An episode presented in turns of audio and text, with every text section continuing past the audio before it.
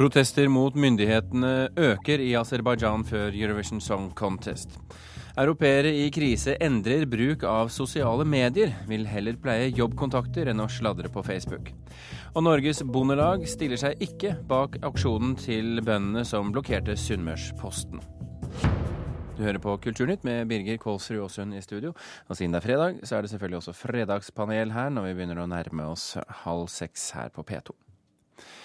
Opposisjonen i Aserbajdsjan trapper nå opp protestene mot myndighetene i forkant av Melodi Grand Prix, som starter førstkommende tirsdag.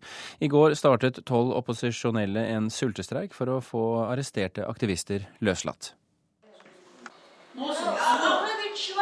På opposisjonspartiet Mosavats kontor i Baku i Aserbajdsjan henger bilder av opposisjonens tilhengere som har blitt arrestert under protester mot myndighetene. Tolv aktivister sultestreiker nå på kontoret, i håp om å trekke oppmerksomheten mot brudd på menneskerettigheter i Aserbajdsjan, før landet skal være vertskap i finalen i Eurovision Song Contest neste uke.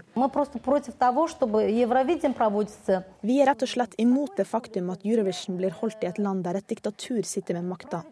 Offentlige institusjoner i Europa og i hele den frie verden har anerkjent et titalls samvittighetsfanger i dette landet, sier Jegana Amer Aslanova fra opposisjonsorganisasjonen Public Chamber til nyhetsbyrået AP.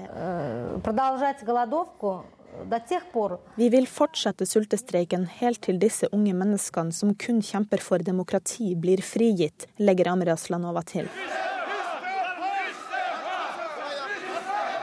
Minst ti personer har blitt anholdt de siste ukene i forbindelse med opposisjonsbevegelsen, ifølge Human Rights Watch. De fleste ble arrestert under en demonstrasjon i Baku 2.4 i år. I samme by ble aktivisten Elnor Majidli arrestert etter en demonstrasjon ett år tidligere. Han ble derimot løslatt i forkant av Eurovision 2012.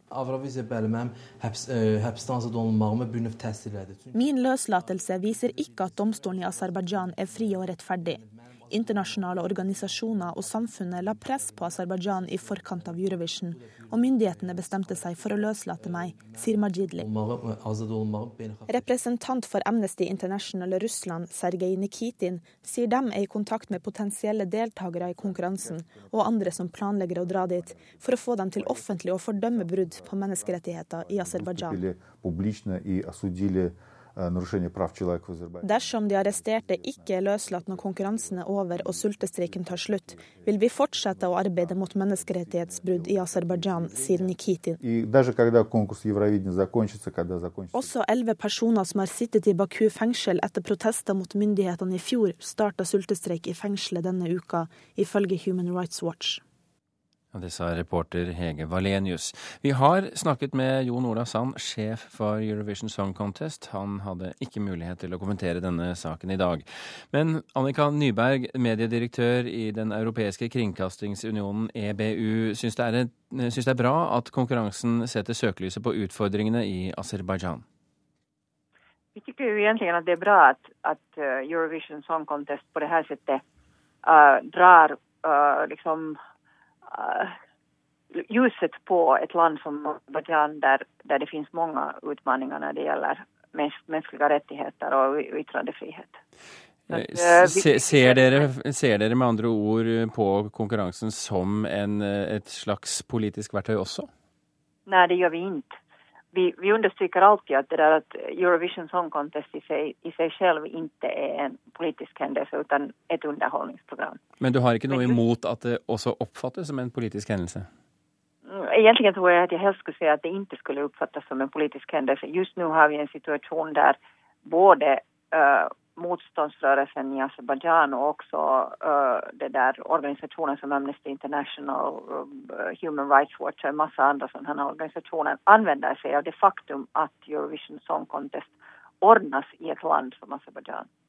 Så att eh, själva händelsen utnyttjas av, som, som en politisk händelse trots att den i sig själv inte är det. Men EBU har ikke noe imot at konkurransen eh, brukes som en eh, politisk brekkstang, for å kalle det det? Det fins ikke så mye vi kan gjøre for å för att liksom si imot det. Merker dere disse protestene på en annen måte enn gjennom mediene?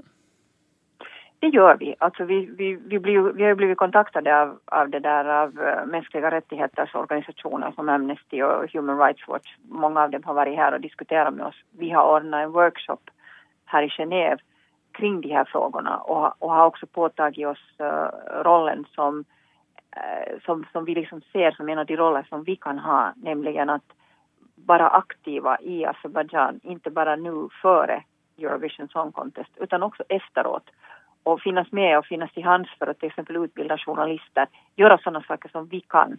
Vi är ju inte egentligen en organisation som är experter på mänskliga rättigheter, det är inte det vi gör.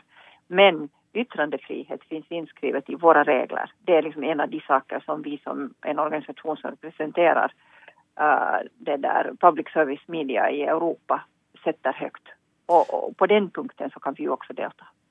Vi hørte også at en aktivist nå har sluppet ut av fengsel, noe han mener er en følge av at Eurovision snart starter. Hva tenker du om det?